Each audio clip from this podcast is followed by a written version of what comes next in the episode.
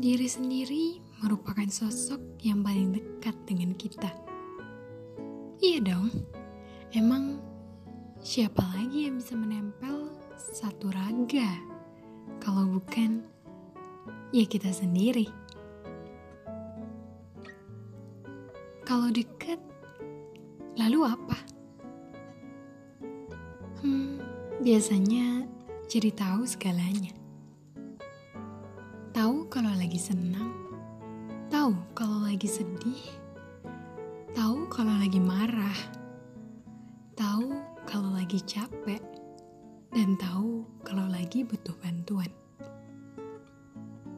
Ya, harusnya begitu. Tapi kadang nggak sesimpel itu. Untuk tahu apakah kita bahagia saja, terkadang butuh sosok lain yang menilainya.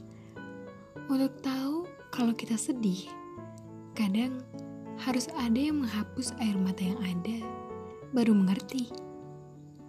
Bahkan saat air mata itu tumpah, kadang manusia tidak tahu pasti apa yang sebenarnya terjadi padanya. Iya tidak. Beberapa sosok bukan tidak pernah benar-benar mengerti, tapi mereka hanya menolak untuk mengerti. Seperti hanya ingin orang lain yang membantunya dalam hidupnya. Padahal tidak semua hal harus bergantung orang lain, iya enggak? Banyak manusia yang masih harus belajar lebih terkait hal terdekat dalam hidupnya, yakni dirinya sendiri. Memahami diri sendiri itu ribuan kali lebih berat ketimbang memahami orang lain. Ada yang merasa begitu? Ketika melihat indikasi sedih pada raut wajah orang lain, kita bisa dengan tanggap langsung memahaminya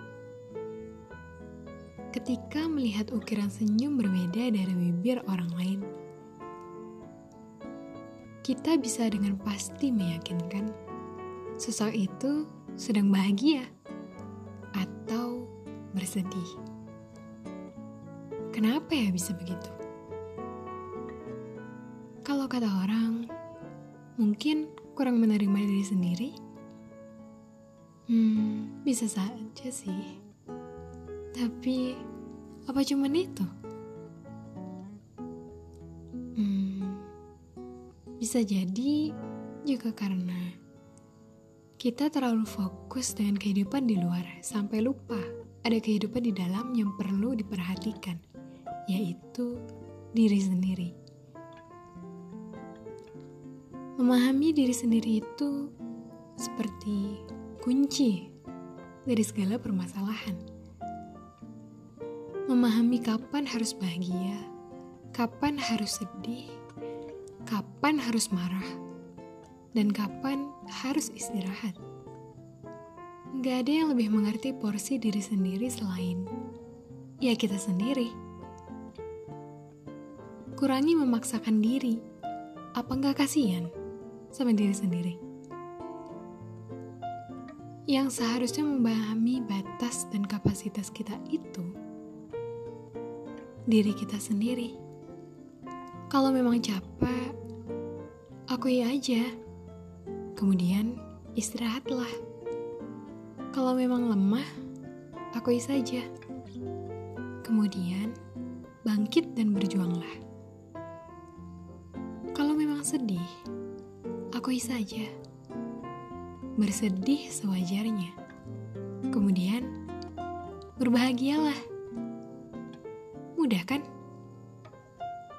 Ya, gak semudah itu sih. Tapi, terus berjuang ya. Pelan-pelan saja. Yang penting, terus melangkah.